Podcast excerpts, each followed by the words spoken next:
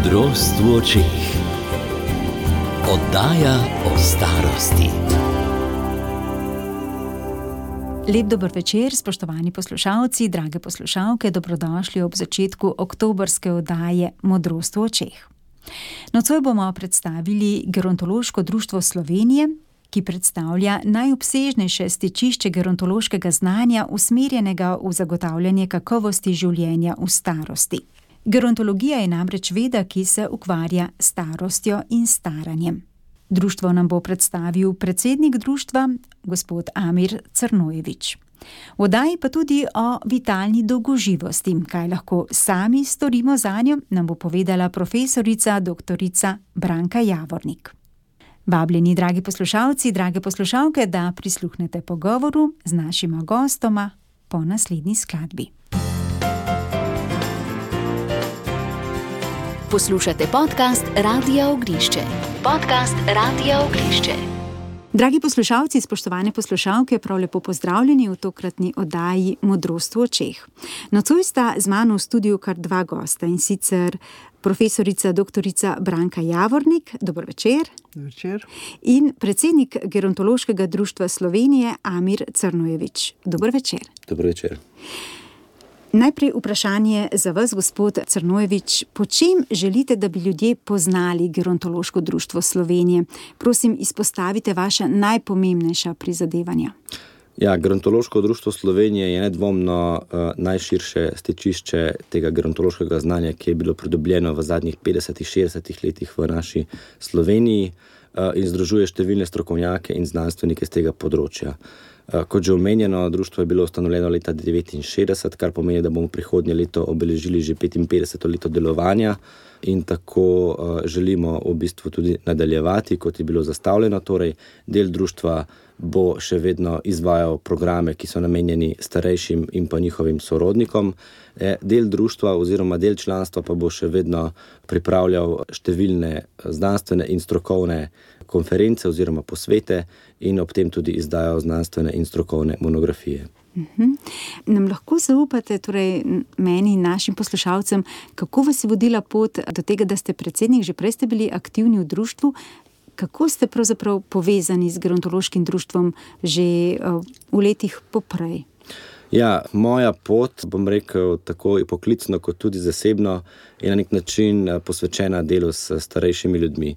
Že vrsto let sem zaposlen namreč v Zavodu za oskrbo na domu Ljubljana in sicer na področju pomoči na domu, sicer pa tudi v lokalni skupnosti, torej v mestni občini Ljubljana.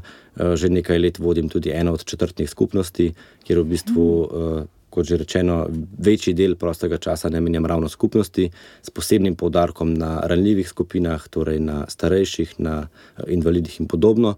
In že vrsto let sem tudi član Gerontološkega društva Slovenije. Preden sem prevzel funkcijo predsednika, sem bil aktiven v številnih sekcijah, uh, zatem pa se je ponudila priložnost, uh, da sem pač prevzel uh, samo vodenje društva in seveda ta izziv sprejel in mislim, da mi uspeva. Mhm. No, profesorica dr. Branka Javornik, vi pa ste vodja sekcije Vitalna dolgoživost. Temu bomo v nocojšnji oddaji namenili nekaj več pozornosti. Pa me zanima, zakaj vas prav vitalna dolgoživost najbolj zanima, kako ste prišli do tega, da sodelujete in da ste tudi vodja te sekcije.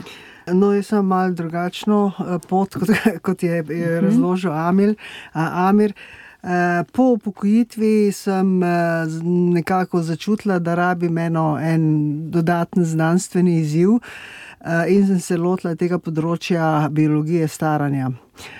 To se pravi, to sem mogla kar nekaj se naučiti, naštudirati. Jaz sem sicer drugače genetik, tako da mi z tega področja ni bilo tako, tako težko.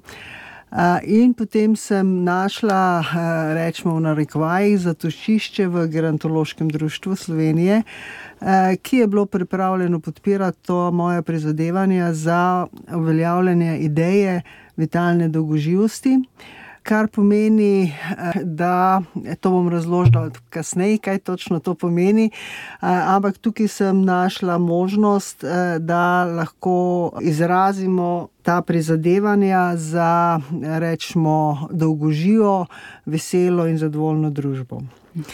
Zdaj, kaj, smo, kaj dela ta? No, pol smo ustanovili sekcijo Vitalna dolgoživost. En, to je ena izmed sekcij gerontološkega društva, ki jih je več.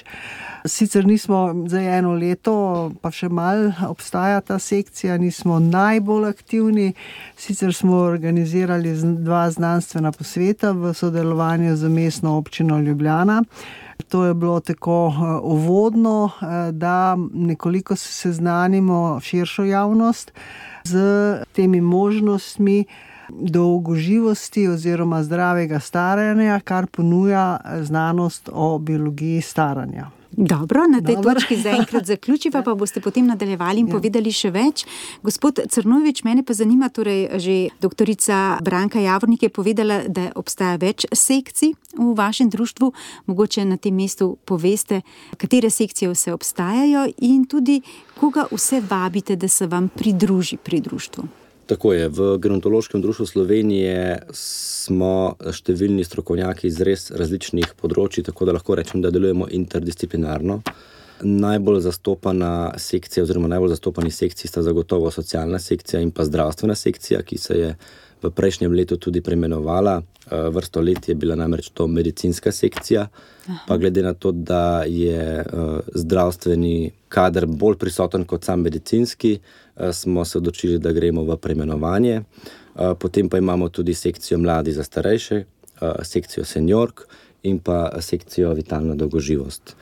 Tako da vedno, ko seveda pridejo pobude strani članstva, da bi ustanovili še kakšno sekcijo, pa seveda z veseljem podpremo, vkolikor vidimo smisel in vkolikor seveda tudi vidimo, da eh, je interes, da bi eh, delovali v to smer, ki jo sekcija na nek način tudi zastopa. Mhm. In koga vse vabite, da se vam pridruži? Kot že rečeno, mi eh, v našem gerontološkem društvu Slovenije ne omejujemo članstva nam je seveda v interesu, da tisti, ki se želi vključiti, priključiti, da ima željo biti aktiven, da želi nameniti nekaj ur mesečno uh, društvu, delovanju društva.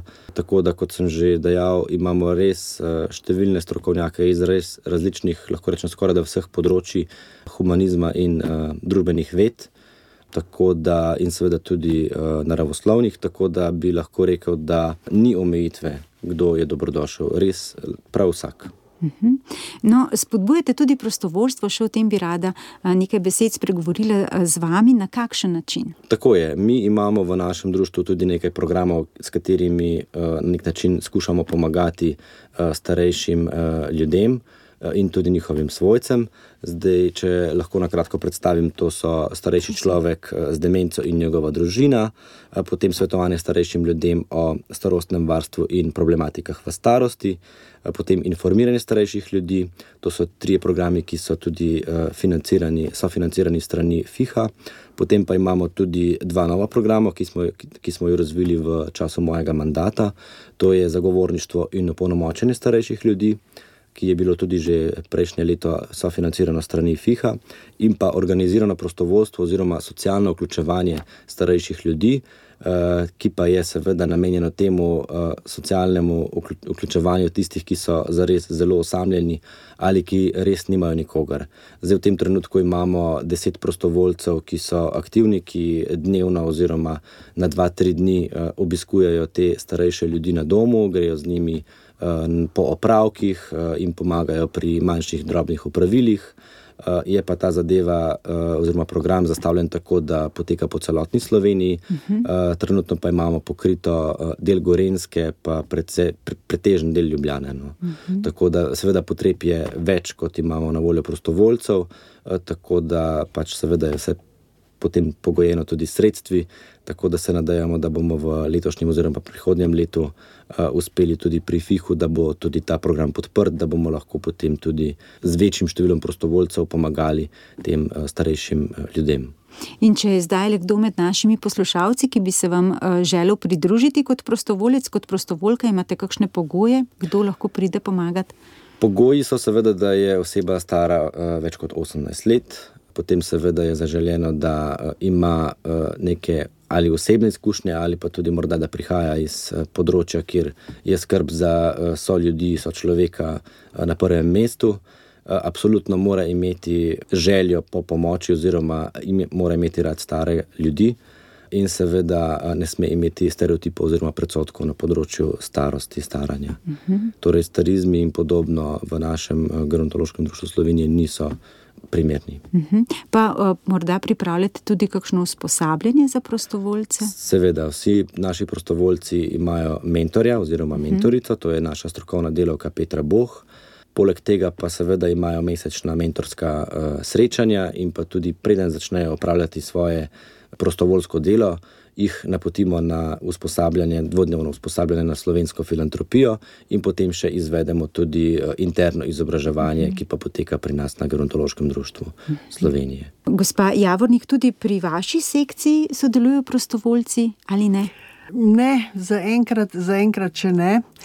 Zaenkrat naša sekcija, ki ima v bistvu dva namena. En namen je ta, da spodbujamo znanstveno, strokovno delo na področju te eh, vitalne dolgoživosti, ki v Sloveniji ni zelo razširjena in to je zdaj neka, neka nova aktivnost, neka nova dejavnost. Drugo pa je, to se pravi, to je področje biogerontologije, pa geroznanosti, to, to so no, nova področja. Drugo pa je, da želimo promovirati ta koncept vitalne dolgoživosti v širši javnosti na osnovi znanstvenih spoznanj. Tle smo zelo strogi in poskušamo ločiti, kaj je tisto pseudoznanost, ne, ker tega anti-aginga je grozno veliko, ne. vsak nekaj ve, kako bo pomladil koga, in tega se zelo izogibamo, tako da pač poskušamo na teh znanstvenih osnovah, dejstvih, ki, ki jih znamo, ker smo pač študirali to, tudi razumemo te zadeve promovirati in predstaviti javnosti. Zaenkrat, se pravim, smo bili osredotočeni s tema dvema posvetoma v okviru Mestne občine Ljubljana, ki smo jih organizirali, in to sta bila znanstvena posveta. Dočim velika želja pa je, da bi, da bi to dejavnost razširili v okviru te sekcije, in sicer da bi bolj pritegnili splošno javnost k temu. Da bi organizirali kakšne splošne, splošna predavanja, uh -huh. predstavitve in tako dalje. To pa še prihaja, uh -huh. zaenkrat. No, lahko, morda lahko delček tega uresničimo že v tokratni oddaji. Lahko, lahko, ja. Življenjska doba v Sloveniji in v svetu se podaljšuje in je vedno daljša. V Sloveniji imamo naprimer 78 let za ženske, 74 za moške, kar je 30-40 let več kot pred 50 leti. Tako da tle je bil narejen velik napredek, k čemur je veliko pripomoglo seveda splošno ekonomsko stanje, ki je, in pa medicinska tehnologija, ki pač omogoča zdravljenje teh raznih kroničnih bolezni, ki so posledica staranja. Kardiovaskularne, to se pravi, potem rak, potem demenca, vse te bolezni so povezane s staranjem. No, zdaj pri tem konceptu dolgoživosti pa je, prevladuje spoznanje, da je razvoj teh bolezni mogoče zaustaviti oziroma premakniti na poznejša leta.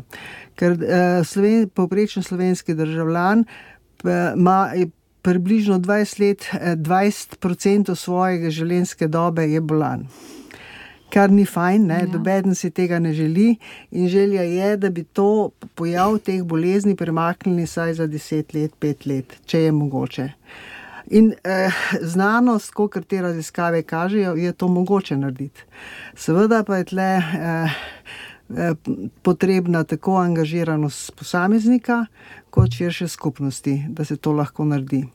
Zdaj možnosti, kako lahko podaljšamo, oziroma, ja, podaljšamo zdravo življenje, to se pravi, zdravo, dolgost zdravega življenja, so v bistvu tri možnosti. Eno je, da imamo srečo pa imamo dobre gene, genetiko, ne, ampak to jih nima veliko.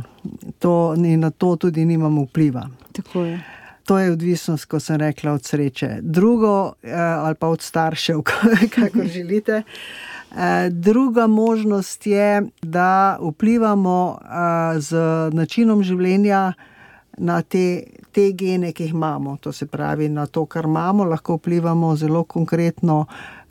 Temu rečemo z življenjskim slogom, z življenjskim načinom, kako živimo.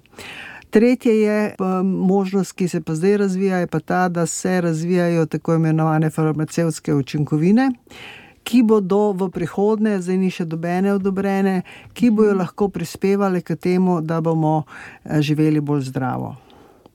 So nekatere učinkovine so že v testiranju, ampak ni še dobene odobrene od regulatornih agencij. To bojo mogoče, pač to je prihodnost. Ne. To se pravi, nam ostane samo življenjski slog. Tako. Tako. No, in tukaj zdaj vsi vemo, vsi vemo ko, moramo, kako moramo jesti. Kak, ne vem, če vsi vemo, kako, ampak vsaj mislimo si, kako moramo.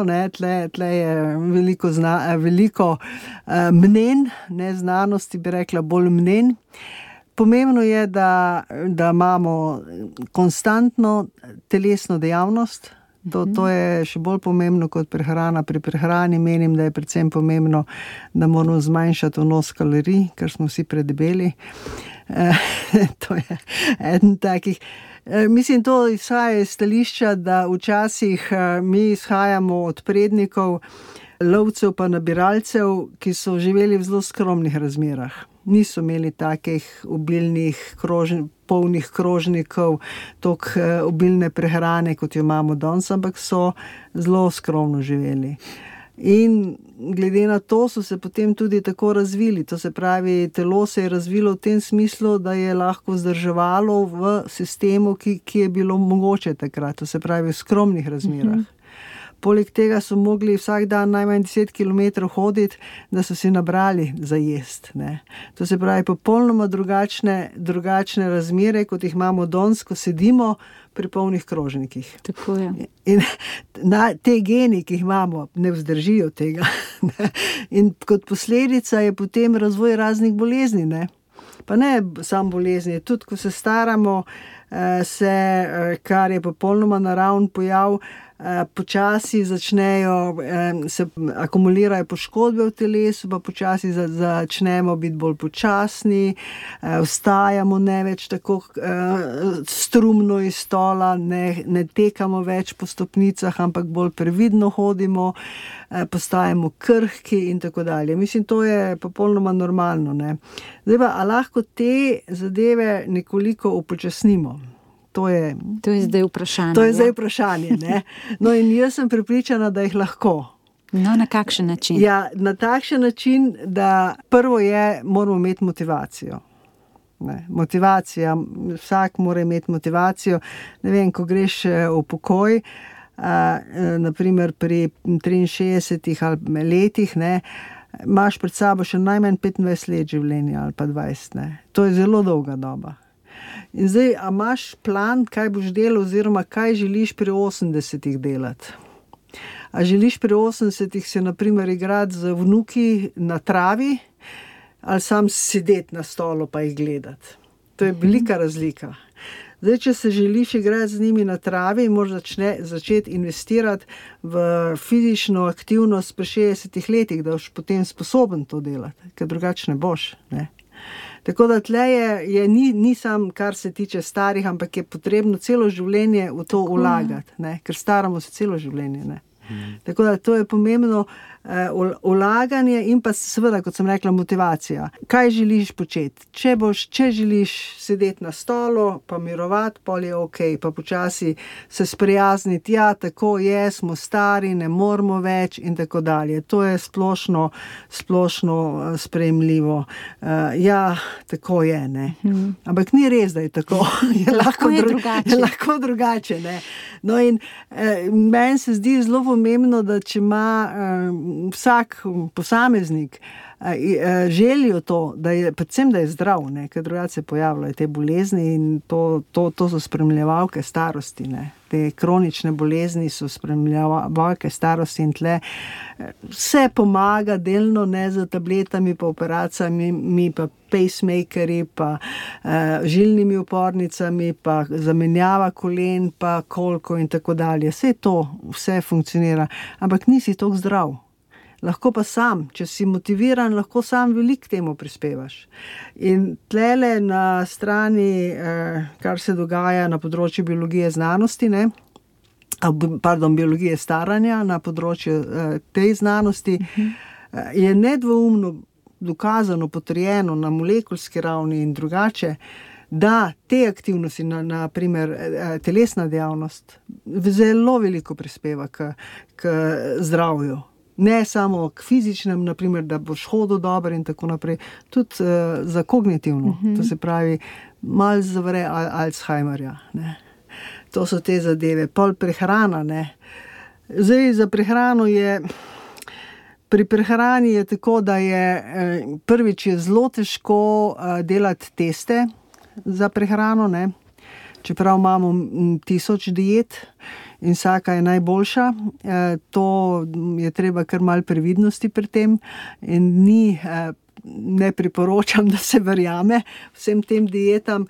Eh, predvsem, mislim, mi imamo relativno zdravo prehrano, Nimamo, nismo v pomankanju. Uh, polno vredno, predvsem, če ješ raznoliko, ne, da ne je vsak dan eno in isto, ampak čim bolj raznoliko, ti ne bo manjkalo dobenih teh bistvenih uh, sestavin. Uh, je pa problem ka, kalorije. Ne? Mhm. Vnos kalorij. Ja, količina. količina no, zdaj, za to količino uh, je pač, mislim, to je, to je težko, ne? ker reči nekomu, zdaj, zdaj pa stradaj, ne, da boš bolj dolgo živel. Se potem tudi vpraša, zakaj pa bi stradal, pa zakaj bi tako dolgo živel. no, ampak so, so načini, da lahko eh, zmanjšaš ta vnos kalorij, na, na, naprimer, eh, prvič, da ne vem, eh, naprimer na otoku Okinava, ki je znan kot eh, otok, kjer je poprečna doba 90, čez 90 let eh, teh prebivalcev, oni pojejo 20% manj kalorij kot Japonci na glavnem otoku. Hmm. Ampak to je njihov način življenja, Ni, nič ne trpijo zaradi tega. Ne? Mislim, to je njihov način življenja in to jim pol tudi prispeva k njihovi dolgi življenjski dobi. Ne? To je ena varianta. Druga varianta je, da naprimer, eh, vsak ve približno ne vem, enih osem variant pre, die, prehrane ima, mhm. kaj, kaj je, krompir, meso, eh, fižol, zele in tako naprej. In potem lahko vidi, kje bi zmanjšal. Ne? Ugljikovi hidrati so najbolj tisti, ki. Redijo. ki redijo. Ja. Zdaj, če tiste malo zmanjšaš, lahko precej prispeva. No, to je ena. Eh, v zadnjem času je pa zelo popularno, popularno postalo tako imenovano prekinjeno hranjenje. Uh mhm. eh, -huh. To so te diete, naprimer, da eh, ješ 8 ur na dan, 16 pa ne ali pa šest ur ješ, osnajst pa ne. Ne, to, to je ta ja, prekinitveni post. Ja, tako prekinitveni post. Čeprav eh, tle ni eh, dobenega, mislim, takega konkretnega, zelo jasnega znanstvenega dokaza, da bi to karkoli prispevalo k uh, zdravemu življenju. Mhm. Prispeva pa k temu, da manj ješ. tako da to je to. Ne, to, to so te, te variante in okrog tega se to vrti. Uh, je pa zelo veliko, mislim, in to je treba večkrat podariti. Mislim, vse te diete, ki so ne pa, pa vegani, pa vegetarijanci, pa eh, eh, ne vem, kakšne nizko, ne vem, paleo diete in ne vem, kaj že vse. Mislim, ne, to, to nima veze. Mislim, tudi en človek, ne vem. Jaz sem pač navajena na ene, ene določene prehrane, in zdaj, pri 70-ih, ne bom to zdaj spremenjala da bom šla zdaj, pa veganka ratala, ne. Imam preveč rada pršut. Tako da ni, ni v tem, da bi zdaj eh, menil diete in tako naprej. Tudi eh, prehrana je nekaj, ki ni, ni povezana samo z, z vnosom energije, vnosom kalorij, ne, ko to rabimo za energijo, da funkcioniramo, ampak ima tudi eno, eh, eno kulturno noto. Ne, mislim, se srečujejo družine, so obedi in tako dalje. Tako da to, to je treba ohranjati. Ne. Ja, to je zagotovo dragoceno. Ja. Torej, imamo gibanje, prehrana, kaj še? Spanje. Spanje. Zdaj za spanje tle zelo poudarjajo, tle tudi cela znanost se razvija ne, na, na tem področju. To je pač telo ima, ima ciklus svoj, uh, ko funkcionira, ko je po konci, ne, potem pa ko, ko počiva. Eh, spanje je zdaj pomembno tudi iz fiziološkega stališča, zaradi tega, ker takrat poteka določeno čiščenje v telesu. Tako, tisti mehanizmi delajo, ko počistijo, kar se je čez dan odvečnega nabralo to se pravi, neka, neka komunala se mhm. dogaja. Od, odvažajo smeti, in potem so naslednjo jutro celice boljše, v, v boljši kondiciji. Ne. Tako da to ima kar velik pomen, in pa, in pa seveda eh, telo se spočije. Ne. Eh, kar je zelo pomembno. Zdaj se pravi, tle je cela znanost, kako spati, kako ne spati, različni so vidiki. Uh, tudi neki ti dodatki so se zelo uveljavili, razni melatonin in tako dalje, ampak jaz to ne vem. Ne vem dovolj, da bi lahko komentirala, -huh. tako da to, to se ne upam komentirati. Je pa poudarek, da je to spanje je pač izjemno pomembno. Ampak ravno in... veliko starejših toži, da ne more spati. Ne, ne, ne. ko si star, manj spiš. ja, e, tako je. No, mislim, spet je tle tisoč navodil. Ne, tisoč navodil, možnih pa aplikacij, zdaj ko je vse teh aplikacij, ne mislim. No, to, In vsak posameznik mora pač zbrati tisto, kar mu najbolj odgovarja. Eh, predvsem, da se lahko pomiri zvečer. Uh mhm. -huh. To je zelo pomembno, da se pomiriš. Naprimer, ne gleda televizije, ker ti, pa ti pol gre po glavi še ne vem, neke slabe novice in te to zmoti. Tako da je boljš eno uro pred, da gre spat, ne vem, gar posodo pomivati. Bolj učinkovito, ko pa gleda televizijo. Mhm. Da, da se pomiriš, ne? da se na nek način pomiriš in potem pride span sam posebne. Ampak ta način, kako to vsak sam verjetno naj, najbolj ve in zna ne? poiskati. Ja, starejši imajo težave s tem, ne? zdaj uporablja se veliko tablet, kar ni najboljše, ampak tako. Lahko še eh, pri kakšni stvari si pomagamo? Uh, ja, mislim, pri, za to je za to zdravo življenje, ne, je izjemno pomembna čustvena uravnoteženost. Uh mhm. -huh to pa, da nisi pod stresom, ker če si pod stresom, takrat tudi fiziološko ti telo ne deluje dobro, ne ti deluje škodno eh, in ti lahko tudi povzroči zaradi samega stresa, ti lahko povzroči nastanek kakšnih bolezni. Tako da načini, ki so, kako se umiriti, kako, se, eh, kako biti čim bolj hm, uravnotežen, čustveno miren, to so zelo različni načini. Ne. Ampak jaz sam lahko to povem, da je to izjemno pomembno, ko kar piše, ko kar poudarjajo, to so pač specialisti, ki se s tem ukvarjajo. Ne? In da se pač mora vsak posameznik truditi v tej smeri, da se poskuša pač čim bolj umiriti, da se ne sekira za vsako malenkost. Ne? ker včasih res ni vredno. in krajše življenje. ja, in krajše življenje. Ne. Tako da tukaj je, m, potem so tudi različne, različne metode, kjer je pa spet treba biti zelo previden, kaj se, kaj se uporablja. Ne. Mislim, veliko aplikacij je na razpolago, jaz to noč ne, ne, ne propagiram, tudi jih ne poznam. In uh, se mi zdi, da mora vsak sam pri sebi to prav, ker to je pa zelo taka osebna zadeva. Uh mhm. -huh. Zelo osebna zadeva, kdaj se pomiriš, kdaj se lahko pomiriš, pa, pa da si spravljen sam sabo ali pa še s kom drugim. Tako. Tako. Ja. Je še kakšno področje? Jaz bi za, za tole, kar se življenjskega stila tiče, tole rekla. To, to je to. Poslušate podcast Radio Ognišče. Podprite nas s svojo oceno. Hvala.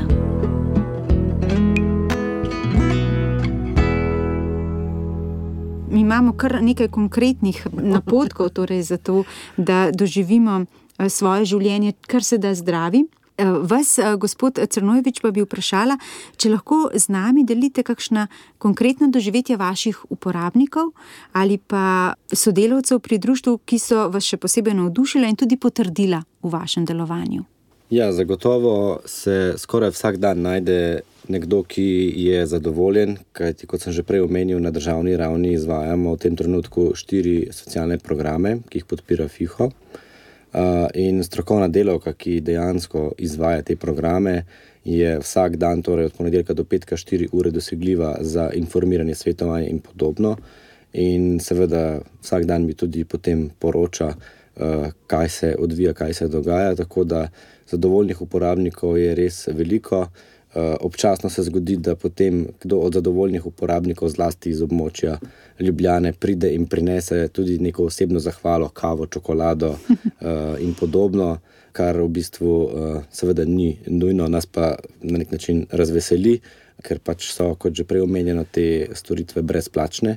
Uh, in uh, seveda pa moram reči, da sam v svojem delovanju sem zelo ponosen, da imam ob sebi tako ekipo ljudi, s katero lahko res dobro delam in s katero lahko v bistvu vizijo Gerontološkega društva Slovenije tudi uh, udejanjamo. Uh, nedvomno je tukaj dr. Branka Javornik ena od teh ljudi, zagotovo je pa potrebno izpostaviti tudi druge vodje sekcij.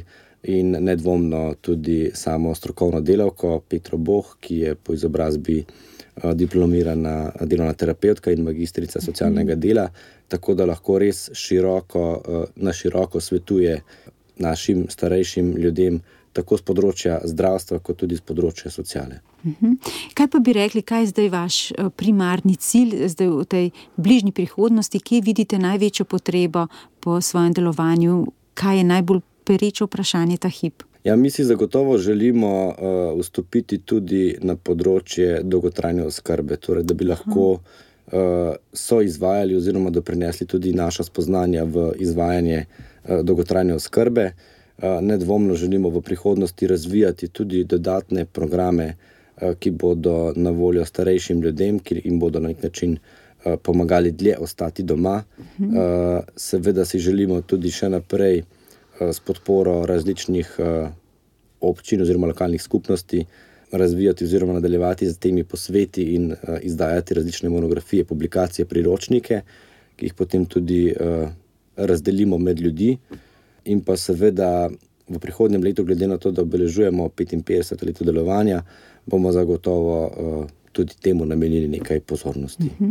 No, in ko ste omenili posvet, septembra je bil v Ljubljani organiziran znanstveni posvet biološke ure, priložnosti za zdravo staranje v mestni občini Ljubljana tudi vi ste na njem sodelovali in bi lahko v nekaj besedah povzeli ta posvet, kaj so bile sklepne ugotovitve, ali mogoče vi, doktorica Branka Javornik? Ja, morda bi tukaj res predal kolegici besedo. Uh, sam lahko samo povem, glede na to, da je bila uh, vodja projekta doktorica Branka Javornik, da je bil posvet res izveden na zelo, zelo visoki ravni in uh, da je poleg znanstvenikov, ki so na nek način tudi uh, izvedli panele oziroma predavanja, je bilo zelo veliko, mislim, da 47 uh, eh, udeležencev iz različnih organizacij. Tako da v bistvu smo ta spoznanja, ki so bila na nek način predana na tem znanstvenem posvetu, poleg uh, mestni občini Ljubljana, predali tudi številnim drugim organizacijam, pač uh, s katerimi. Sodelujemo, oziroma smo jih tudi povabili, da se tega posveta udeležijo. Hm, kar široka zastopanost. Torej.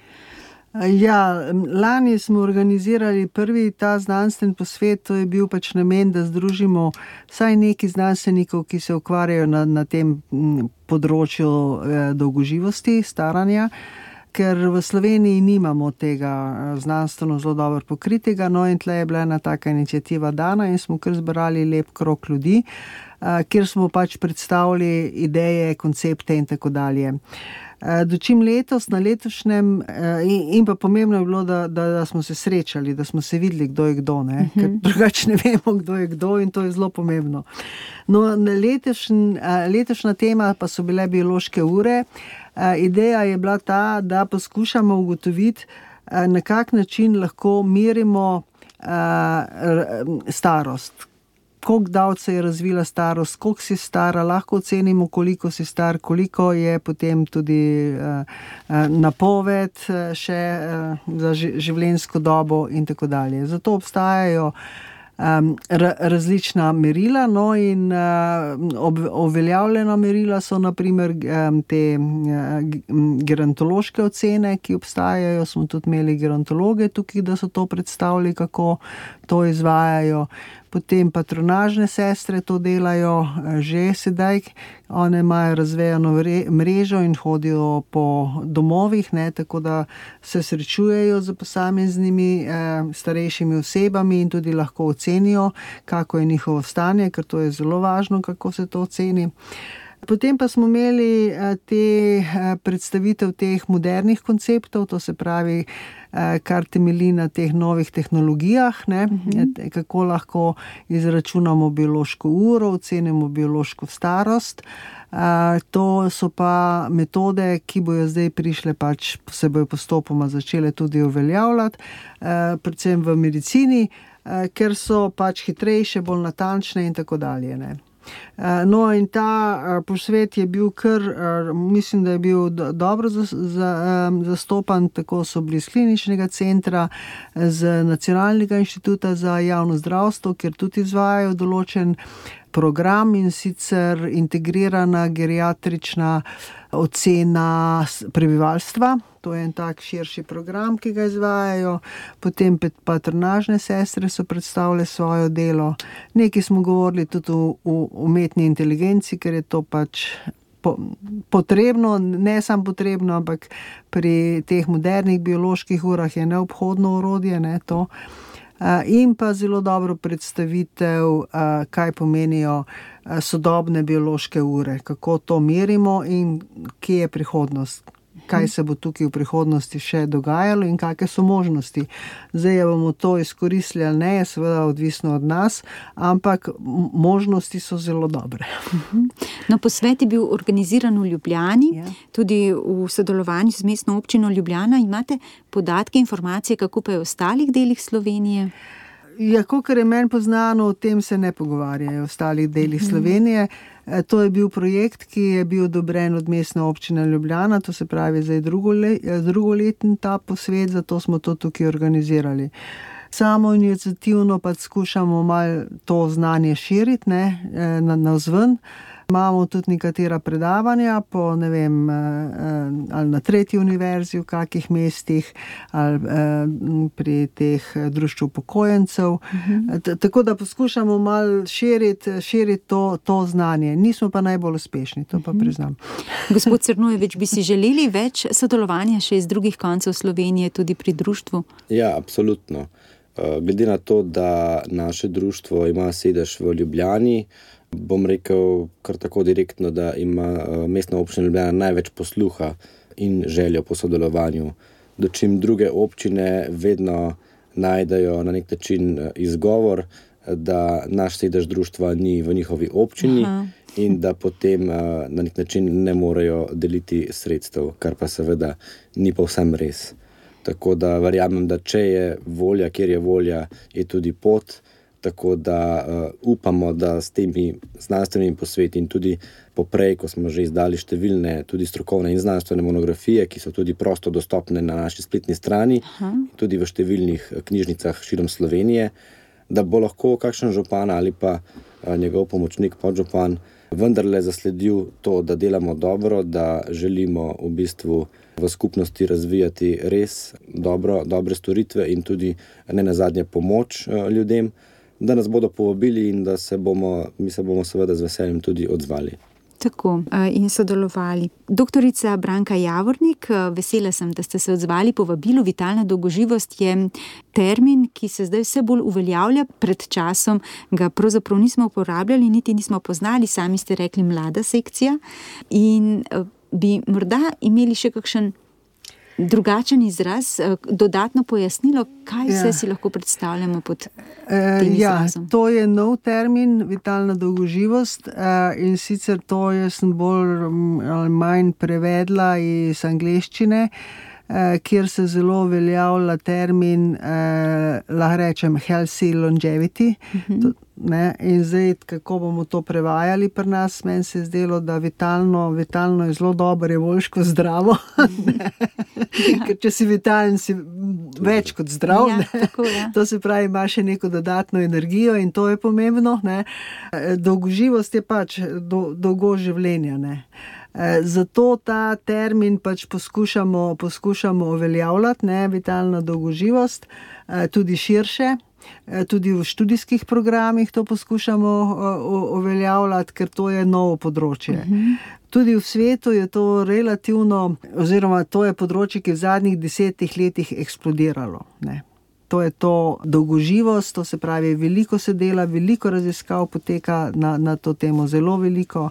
Eh, ustanavlja se veliko novih podjetij na to temo, vlaga se ogromno denarja v to področje, ogromno denarja, ker je pač denarja na razpolago in eh, vsi bi želeli dolgo živeti in iščejo eliksir, ki ga seveda ne bodo našli, ampak eh, je, je to eno izmed področji, ki se izjemno hitro eh, razvija. Nekateri, naprimer, primerjajo to področje biogerontologije, če ga tako imenujem, a, ga primerjajo z revolucijo, ki so jo povzročili antibiotiki. Tako zelo, no, mislim, Ja. to je Prelomno. zame sicer nekoliko pretirano, ampak zelo prelomno. Ker zdaj je, je, je uh, uh, mislim, v raziskavah marsikaj teče, da bo se obrnilo, da se da obrniti um, potek staranja in tako dalje. Jaz v te ne verjamem, v, mogoče čez 50 let bo mogoče, ker te mehanizmi, ki to omogočajo, so znani, ampak da pa to do, do tega ko, lahko konkretno, ja, da lahko to konkretno izvedeš, pa še rabimo kar nekaj časa. E, tako da prihodnost, ne, prihodnost je tle zelo nejasna, ampak zelo obetavna. E, napovedujejo, mislim, tako, no, sto let ne bo nič kaj posebnega. Ta generacija, ki se zdaj rodi, bo živela tako obdobje. E, govorijo, 150 let ni nemogoče. Do zdaj je najstarejša ženska, ki je bila je 122 let, pa pol, bila stara na francozinja, eh, dokumentirano. No, to. In eh, mnenje je, da ni, ni preprekne. Ampak to je vse ok. Jaz sem bolj nagnjena k temu, da se mi zdi pomembno, eh, da je življenje pač dokler je, ne, da je zdravo. Da si zdrav in da si vitalen. To se mi zdi najbolj bistveno, eh, ker eh, nekateri pravijo, da ja, sej dolgo živiš, ampak si pa pol skozi star. To je ta stereotip, ne? ker če si star, si eh, šibek, krhek, bolan in tako dalje. To so te stereotipi, ki jih imamo, ampak to ni potrebno. Boljše je, da, da kokar si star, da si star, ampak zdrav. To je, moje, to je Tako. moje sporočilo. Ampak, kot sem rekla, eh, v raziskavah in tudi v nekaterih bolj futurističnih napovedih eh, je pa tako malce znanstvene fantastike. Gospod Amir Crnojevič, predsednik Gerontološkega društva Slovenije in doktorica Branka Javornik, prav lepa hvala za obisk v studiu Radio Ognišče, za to, da ste se odzvala po vabilu in sodelovala v oddaji Modrost v očeh. Morda še ena misel za konec, sklepna misel za naše poslušalce, kako bi povzeli, kaj je res pomembno, zakaj se je potrebno prizadevati. Ja, moje mnenje je, kot je že povedala kolegica, da je starost uh, lahko lepa, uh, seveda pa moramo za to postoriti že malo prej. Uh, da je pa sama kakovost staranja uh, odvisna, uh, oziroma da je lepa, je pa odvisna tudi od lokalnega okolja, ki lahko zelo veliko pripomore. Uh, tako da si nadejam in upam, da bodo vse lokalne skupnosti uh, prisluhnile temu, da pač je kakovostno staranje pomembno in da je lahko lepo tudi zaradi tega, ker oni zagotavljajo, oziroma lokalna skupnost zagotavlja take pogoje, da so storitve in uh, podporne mreže uh, na voljo v lokalnih skupnostih. in da potem lahko vsi skupaj naredimo nekaj, da je potem ta starost eh, lepa, kakovostna, vitalna in ne nazadnje, da vsi doživimo čim lepše leta. Tako. Uh, no, to se mi zdi zelo pomembno, kar je Amir povedal. To se pravi ta podpora širše skupnosti, lokalne skupnosti, vključenost. Uh, starejših v, v družbo, uh, medgeneracijsko sodelovanje, to vsekakor je izjemno pomembno, ker to veliko prispeva k samemu počutju ne, posameznika, kako se počuti in smo socialna bitja in to absolutno potrebujemo. Drugo pa je, da lahko sami, če smo malo disciplinirani, lahko marsikaj naredimo. Tako. S to mislijo bomo torej zaključili naš eh, nocojšnji pogovor. Prav lepa hvala še enkrat vama za obisk. Vse dobro pri vajnem delu, pri delu društva nasploh in srečno. Hvala srečno, nasirene, hvala lepa vam. Poslušate podcast Radia Ognišče. Podprite nas in postanite prijatelj Radia Ognišče. Dragi poslušalci, spoštovane poslušalke, nocoj smo v oddaji Modrost v očeh predstavili Gerontološko društvo Slovenije. Še posebej smo se ustavili pri eni od njegovih sekcij, to je vitalna dolgoživost. Naša gosta sta bila predsednik društva Amir Crnojevič in vodja sekcije za vitalno dolgoživost, profesorica dr. Branka Javornik. Torej, izvedeli smo, da je za vitalno dolgoživost pomembna motivacija, telesna dejavnost, primerna prehrana, spanje in čustvena uravnoteženost. Prav lepa hvala za vašo pozornost.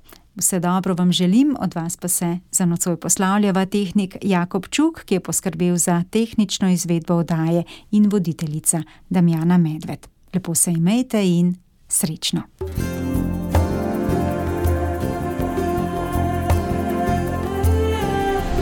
Poslušali ste oddajo Modrost v očeh.